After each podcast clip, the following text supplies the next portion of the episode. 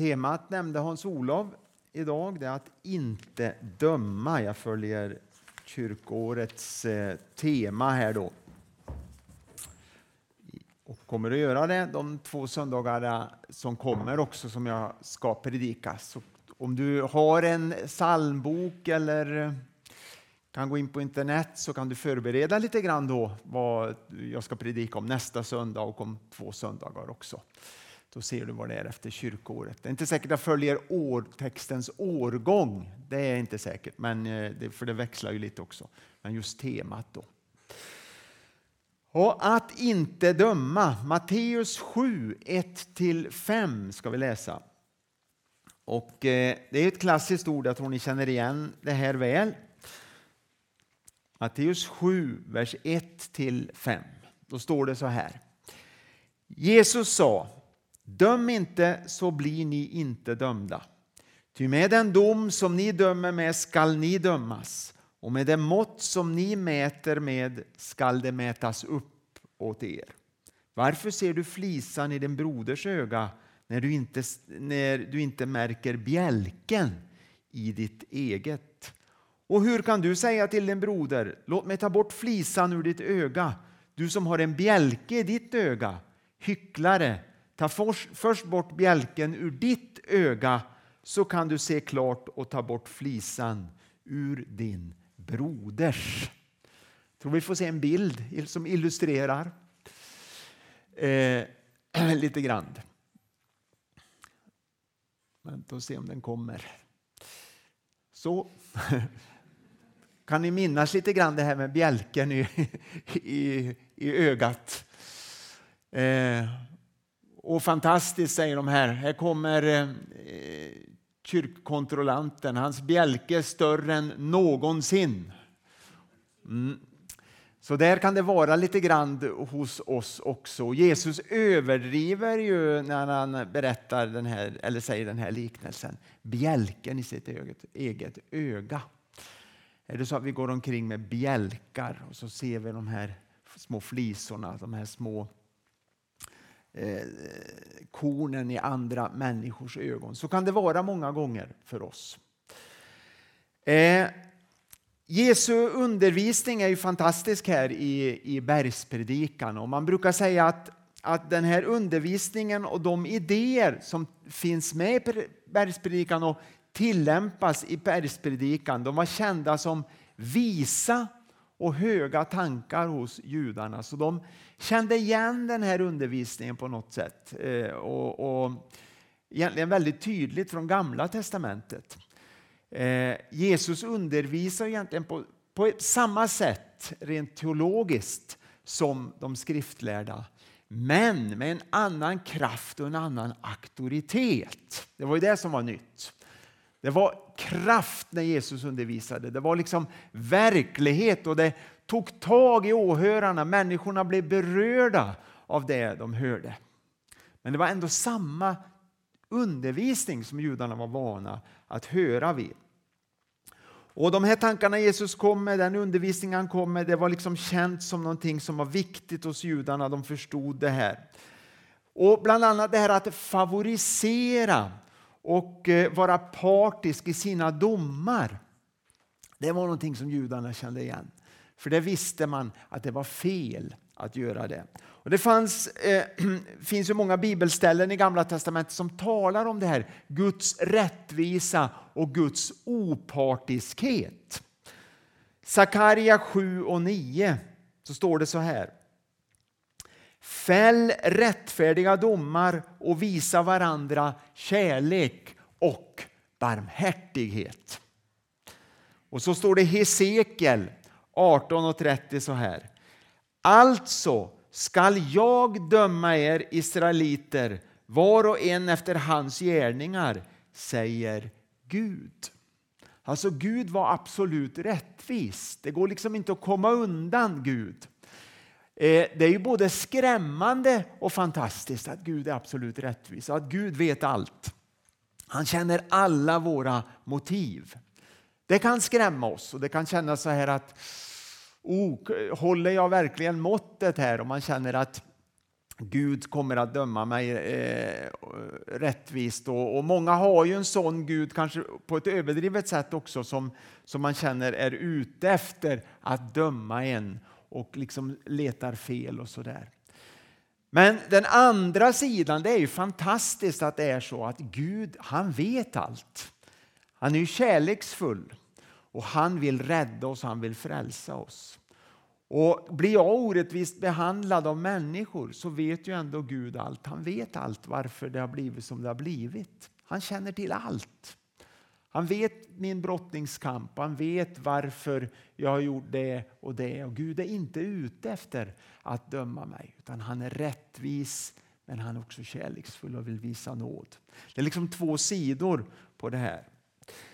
Det talades bland judarna om sex stora gärningar som välsignade människan både här i jordelivet men också i evigheten. Sex stora gärningar, viktiga saker. Det första de nämnde, nämnde var studier. Väldigt viktigt. Att besöka de sjuka, också en väldigt viktig gärning för judarna. Gästfrihet, att bjuda hem människor. Att ta tid till bön, väldigt viktigt också. Att undervisa barnen i Guds bud, väldigt viktigt. Och tänka det bästa om andra människor. Det är ju det temat idag, då, att inte döma. Att tänka det bästa om andra människor. Det var viktigt för judarna. Så de kände till, de förstod den här undervisningen som Jesus kom med. Men Jesus undervisar ju väldigt kraftfullt och det berörde människorna på ett helt annat sätt än när de hade lyssnat till de skriftlärda. Att döma sin medmänniska det är ett av människans stora problem. Det är mitt problem och det är ditt problem. Jag tror att alla människor har problem med det, att vi dömer våra medmänniskor. Och Det är en följd efter av syndafallet. Så Jesu ord här är lika aktuellt idag som det någonsin har varit.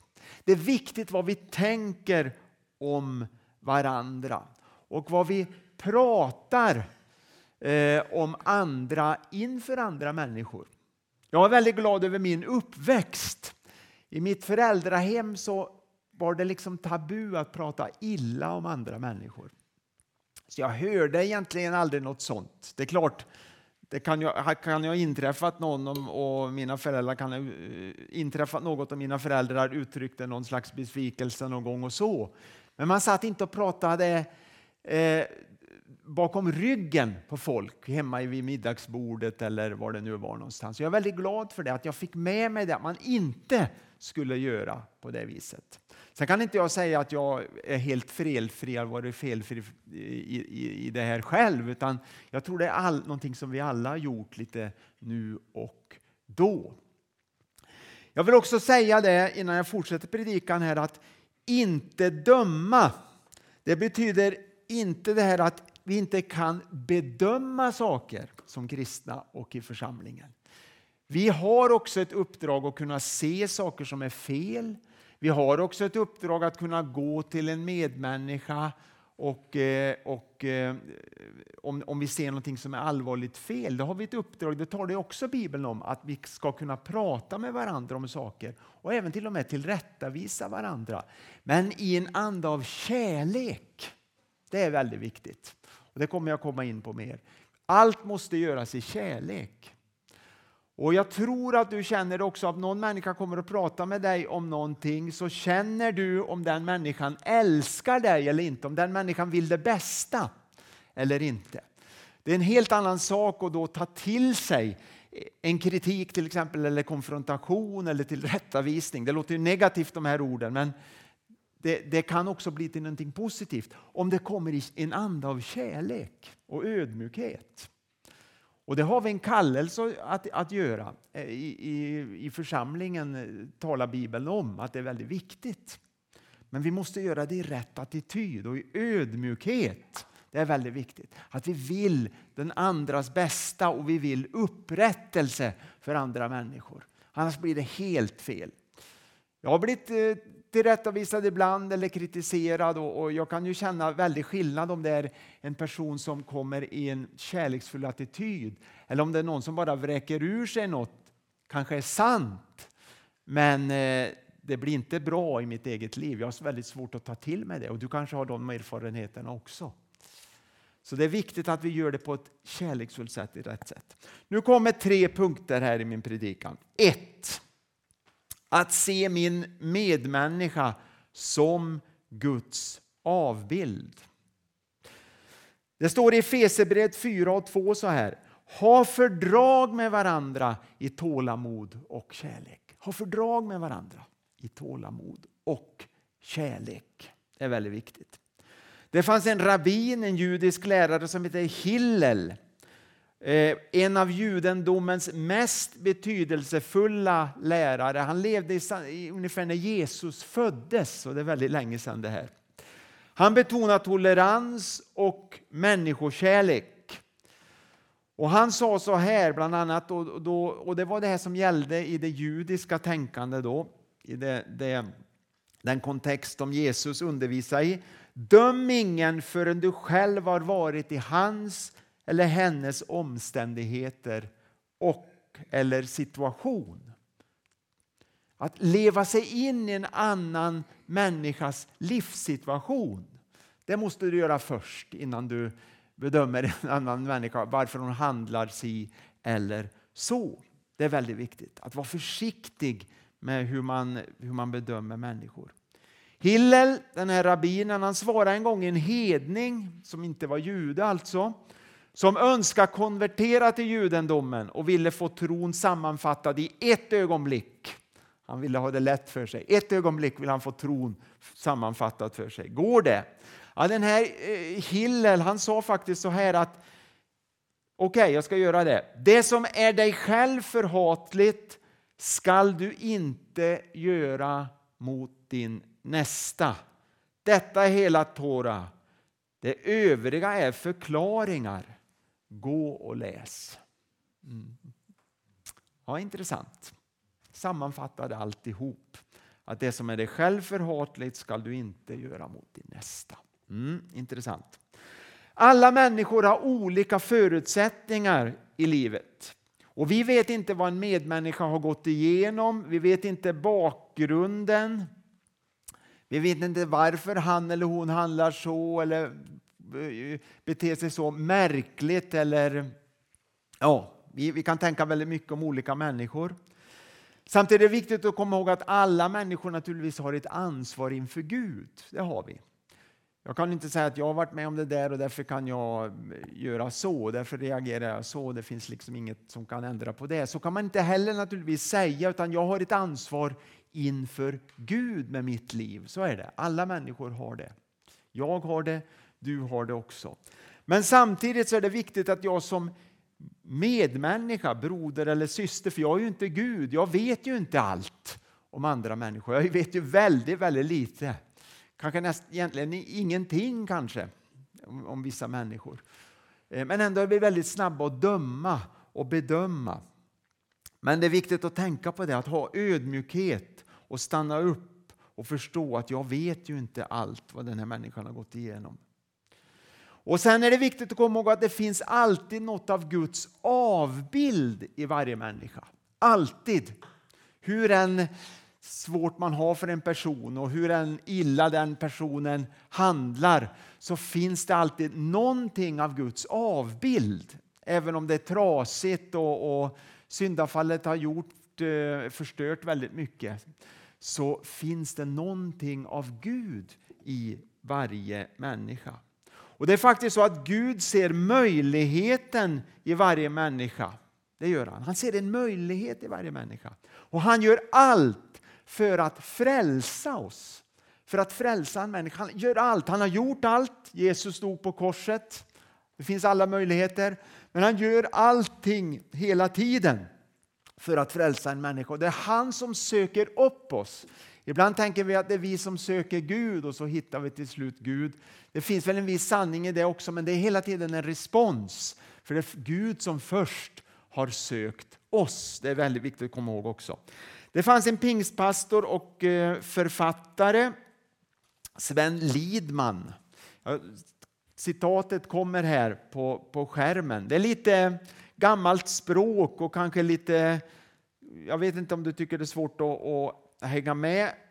Eh, men han var ju lite sådär ordkonstnär också, men sen är det ju för länge sedan det här citatet. Men han säger någonting väldigt bra här tycker jag. Det är väldigt innehållsrikt om man funderar lite grann på texten.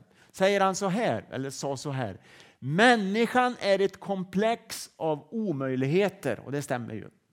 Gud kan finna den stora möjligheten som ligger där dold under ett berg av 10 000 omöjligheter. Frälsningen innebär att Gud söker upp mig mitt i alla mina omöjligheter. Han får tag i min lilla möjlighet, han aktiverar den och bringar den till dess maximum av effektivitet. Därmed sätts också min lilla möjlighet in i Guds stora andliga skeende, når sitt maximum av effektivitet och blir alltigenom utnyttjad och omsatt. Jag tycker det är väldigt vackert beskrivet av vad Gud kan göra med en människa. Vi är ett komplex av omöjligheter, men han söker upp mig och hittar den där lilla, lilla möjligheten som ändå finns hos varje människa. Och Sen får vi överlåta den möjligheten åt Gud och så välsignar han den. Och så blir det något stort och fantastiskt som Gud kan använda i sitt rike. Han kan använda varje människa till välsignelse. Varje människa, hur en trasig och eländig man är så kan Gud hitta den där möjligheten och så välsigna den. Det, allt beror ju på om vi vill överlåta våra liv åt Herren. Men det finns ingen omöjlighet för Gud. Nummer två, punkt två. Det är svårt att vara opartisk. Väldigt svårt. Det är svårt att hitta en balans i det här. Särskilt om det kommer mig väldigt nära så blir jag ju väldigt partisk. Det är naturligt det här. Att någonting som är mig nära, det håller jag ju väldigt kärt och det vill jag gärna försvara. Min familj, pratar någon illa om min, eh, min fru eller mina barn eller barnbarn och så där, eller behandlar dem orättvist, då reagerar jag ju. Det är inget konstigt med det egentligen.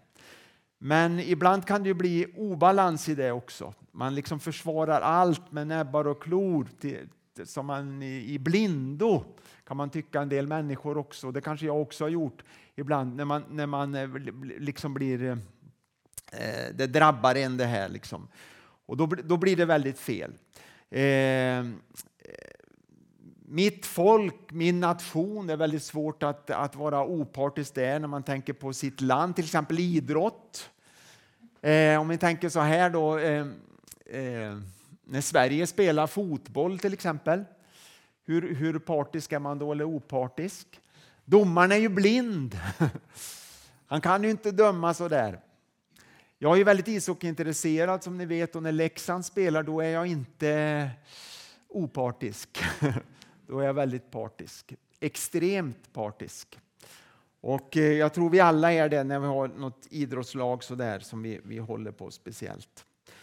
Eh, det berättas historiskt från antiken att grekerna ibland, när de höll en viktig rättegång, det är lite intressant det här, när det var en väldigt viktig rättegång på antikens tid, så höll de den i mörker. Varför gjorde de det? Jo, därför att juryn inte skulle påverkas av att se den som anklagades och på så vis låta sig influeras av det som inte var rent fakta angående fallet. Det är ganska intressant. Man skulle inte se, utan bara liksom lyssna och inte påverkas av någonting eh, yttre. Det kanske är omöjligt att eh, låta bli att låta sig påverkas, men ändå ganska intressant hur noga man var med det där. Hör vi något ofördelaktigt om någon så tror vi ofta på det. Man hör någonting att han har gjort det eller hon har betett sig si eller så, så är det väldigt lätt att tro på det. Eller också låter vi oss påverkas väldigt eh, enkelt. Och det är tyvärr så vi människor fungerar. Och här får vi lära. Och då, då kommer jag till tredje punkten, den sista. Det är bara Gud som kan döma. Det är bara Gud som kan döma rättvist.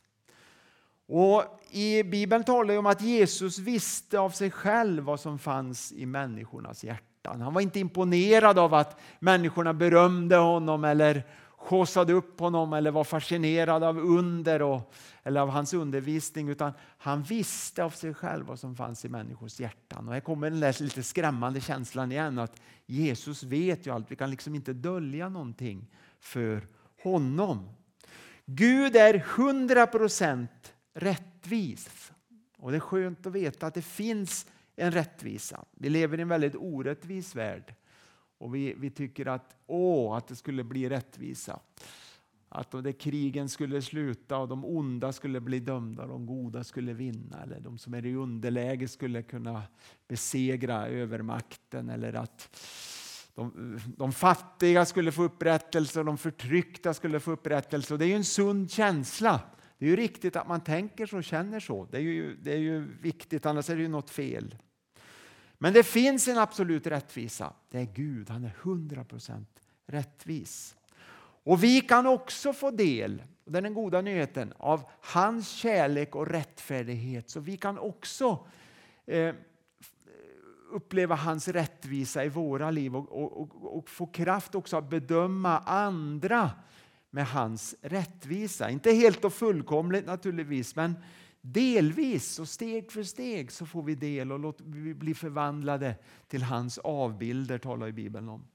I Efesierbrevet 4 och 15, ett väldigt viktigt bibelord som jag brukar eh, ofta citera och läsa. Efesierbrevet 4 och 15. Det står det Nej, låt oss i kärlek hålla fast vid sanningen och växa i alla avseenden så att vi förenas med honom som är huvudet, Kristus.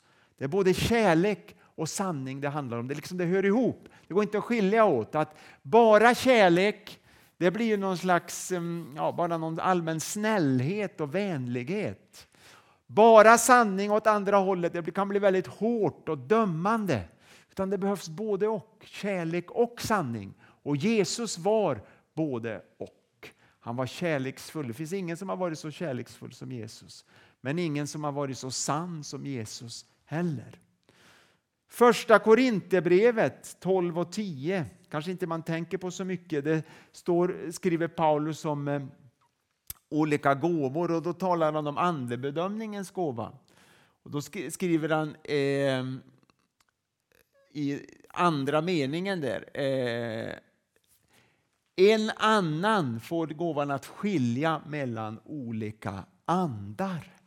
Att skilja mellan olika andar. Det är att kunna se det positiva i en människa. Andebedömningens gåva talas det om en del då i Bibeln och det, det var ju flera som hade, det förstår vi apostlarna och så här. Och det vet vi genom historien, har funnits i församlingen och det finns ju idag också att bedöma vad är rätt, vad är fel. Eh, många tänker att, och det är helt riktigt att det är så, att bedöma vad är demoniskt och vad är från Gud. Men det kan också innebära att bedöma det goda i en människa. Det, att se det positiva i en människa. Vad är bra hos den här? Vad, vad, liksom, vad är den här omöjligheten som Gud vill få tag på? Vad, vad är det i en människa? Ska jag upp, hur uppmuntrar jag det? Hur får jag fram det? Hur lyfter jag fram det som en broder eller syster hos min medmänniska? Och det är en uppgift vi har, att lyfta fram det här positiva hos människor. Att uppmuntra, att be för människor, att liksom lyfta fram det och hjälpa människor att se vad man har för gåvor. och så här. Det är viktigt. Och Det kan bara göras i kärlekens atmosfär. Jesus var ibland väldigt skarp, det ser vi i Bibeln. Men han var aldrig dömande i sin attityd. Han, han dömde, han, han, han, var väldigt tuff ibland. Och Han pekade på vad som var rätt och vad som var fel. och, och så här. Och Människor ibland de gick ledsna därifrån eller arga därifrån. Men han hade inte en dömande attityd och det är en väldig skillnad. Han var beredd att dö för varje människa. Jesus var ju, älskade ju varje människa han mötte och han var beredd att dö för varje människa. Han gjorde ju det också. Han dog ju för fariseerna. Han dog för dem som korsfäste honom. Han dog för de här brutala romerska soldaterna. Han dog för Pilatus. Han dog för alla. Så stor var Jesu kärlek till varje människa. Det är viktigt att komma ihåg. Bibeln talar om att förmana varandra. Vilket betyder, ibland kan man tänka att det är, det är någonting väldigt jobbigt, kritisera och hacka på någon. Men ordet förmana varandra betyder att visligt konfrontera varandra i kärlek. Visligt konfrontera varandra i kärlek. Då får det en helt annan innebörd. Förmana varandra, vara vis, Guds vishet. Och så konfrontationen är i kärlek. Då lyfter vi människan. Men samtidigt inte vara rädda för ändå att, att våga ta i det som är obekvämt. Och då finns det en helt annan chans att den människan tar till sig det jag vill visa, det jag vill säga. Det är inte per automatik så, men det finns en helt annan chans om den människan känner att jag vill hennes väl. Och det handlar inte om att få lust att förmana.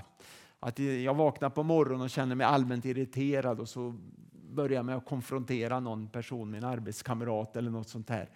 Och inte av irritation och inte gå när jag är arg eller ilsken. och så här. Det handlar inte om det, utan det handlar om i kärlek och vishet förmana varandra.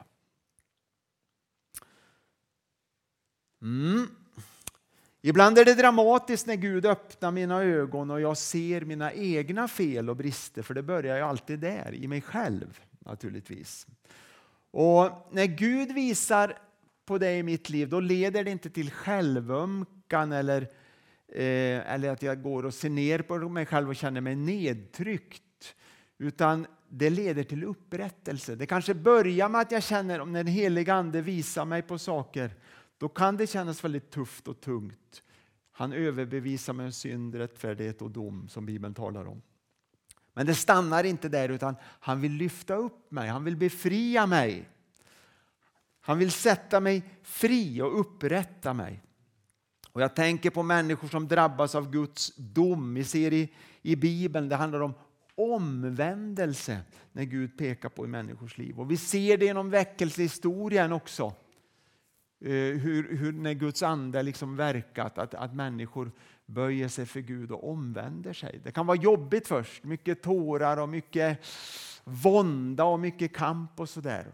Men sen leder det till befrielse på ett underbart sätt. Och Du kanske kan vara med om det själv i ditt liv. Det är mycket möjligt. Eh, och jag har också sett människor i min omgivning gå igenom de här processerna, även om inte det, jag tycker inte det är så vanligt.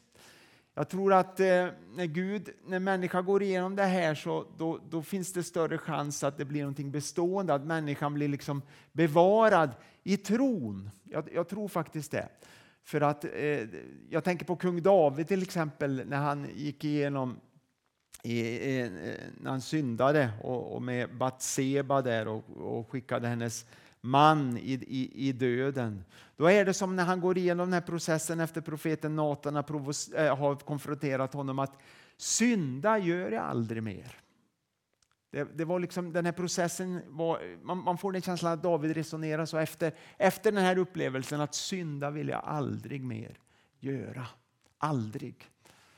Gud gör någonting bestående, något djupgående genom den heliga Ande. Men det kan vara så smärtsamt många gånger också i våra liv. Och Det står så här i Romarbrevet 8 och 1. Och Det är den människan som har blivit fri. Nu blir det ingen fällande dom för dem som är i Kristus Jesus. Tänk vad underbart. Det blir ingen fällande dom. Vi är fria i Kristus Jesus. Gud vill befria oss från den här skulden och från det här oket. Men ofta är det en process som ibland kan vara väldigt smärtsam. Andra Korinthierbrevet 7, 10-11 står det så här. Andra Korinthierbrevet 7, 10-11. En sorg efter Guds vilja leder till en omvändelse som ger frälsning och som ingen behöver ångra. Medan världens sätt att sörja leder till död. Just detta att ni kommer att känna en sorg efter Guds vilja. Observera en sorg efter Guds vilja, det är intressant. Vilken hängivenhet har det inte medfört bland er? Vilka förklaringar, vilken harm, vilken oro, vilken längtan, vilken iver, vilken räfst. Alltså när Gud gör någonting i en människas liv så leder det till en djupgående förvandling och bär en god frukt också. När vi blir upprättade och fria då bär vi också en god frukt i våra liv. Det är Gud som dömer. Han dömer rättvist. Men Gud befriar genom domen. I Johannes 4 och 18, det, det sista bibelordet jag har här, så står det så här när Jesus samtalade med den samariska kvinnan. Och Det är en rätt tuff, tuffa ord från Jesus här. Fem män har du haft och den du nu har är inte din man. Den kan bli så avslöjad. Men vad står det sen i vers 29? När kvinnan har bearbetat det här och, och, och omvänt sig kan man säga till, till Gud. Så står det så här när hon berättar för andra människor om det här. Kom så får ni se en man som har sagt mig allt som jag har gjort. Kan han vara Messias? Det var ju egentligen skämmigt det där, allt hon hade gjort. Men kom och se en man som har sagt mig allt jag har gjort. Kan han vara Messias? Det var inte att han, hon kände sig fördömd utan hon var befriad. Hon var upplyft. Så det är Guds dom i våra liv. Det lyfter upp och befriar oss. Och Du kan också få bli använd av Gud för att lyfta upp och befria människor. Men då måste du ha mycket av den heliga Ande och mycket av Jesu kärlek och sanning i ditt liv för att kunna göra det. Hon hade, den här kvinnan hade fått smaka förlåtelsen och så hade hon hoppet och smaka hoppet och förlåtelsen i sitt liv. Det var därför hon kunde säga som hon gjorde. Jesu attityd är avslöjande och upplyftande på samma gång. Det är sanning och kärlek tillsammans. Det, fanns en, eh, det finns en pastor, en äldre pastor och författare från USA som heter Dallas Willard. Han sa så här att det är oerhört svårt att ha rätt och samtidigt undvika att såra någon. Det är väldigt svårt. Att vara med människor som alltid har rätt och vet om det kan bli outhärdligt. Omedvetet så trycker man ner andra människor.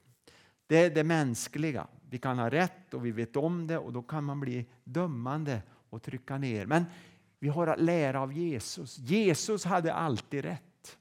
Eller hur? Man kan inte säga att Jesus hade fel ibland, utan han hade alltid rätt. Men hela tiden så upprättade han människor. Han tryckte inte ner människor utan han lyfte upp människor. Han måste ju vara väldigt frustrerad. Tänk att veta allt. Tänk att alltid veta vad som var rätt. Och sen ha lärjungarna omkring sig som nästan alltid gjorde fel. Och se alla människors attityder och falska föreställningar och allt hyckleri och sånt där. Hur, hur klarar han av det Jesus?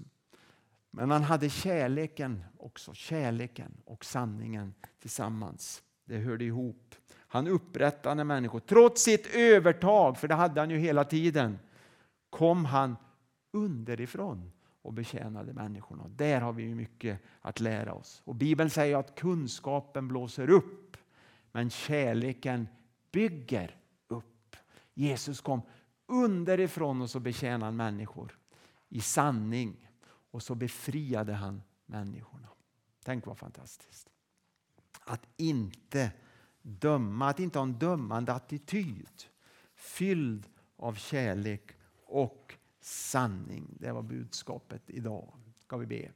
Tack Jesus för den här gudstjänsten. Tack för det vi har fått vara med om här. Tack för sången, tack för musiken Herre. Tack för ditt ord som vi har fått läsa tillsammans här Herre. Tack att du vill tala till oss, tack att du vill beröra Herre. Tack att du välsignar fortsättningen nu också. Nattvardsfirandet och det som, ja, det, det, som sker här ibland oss Herre. Tack att vi ska få upplyfta ditt namn och, och lovprisa ditt namn Jesus. Tack att du är stor och tack att du får vara i centrum i våra liv. I Jesu namn. Amen. Amen Jesus.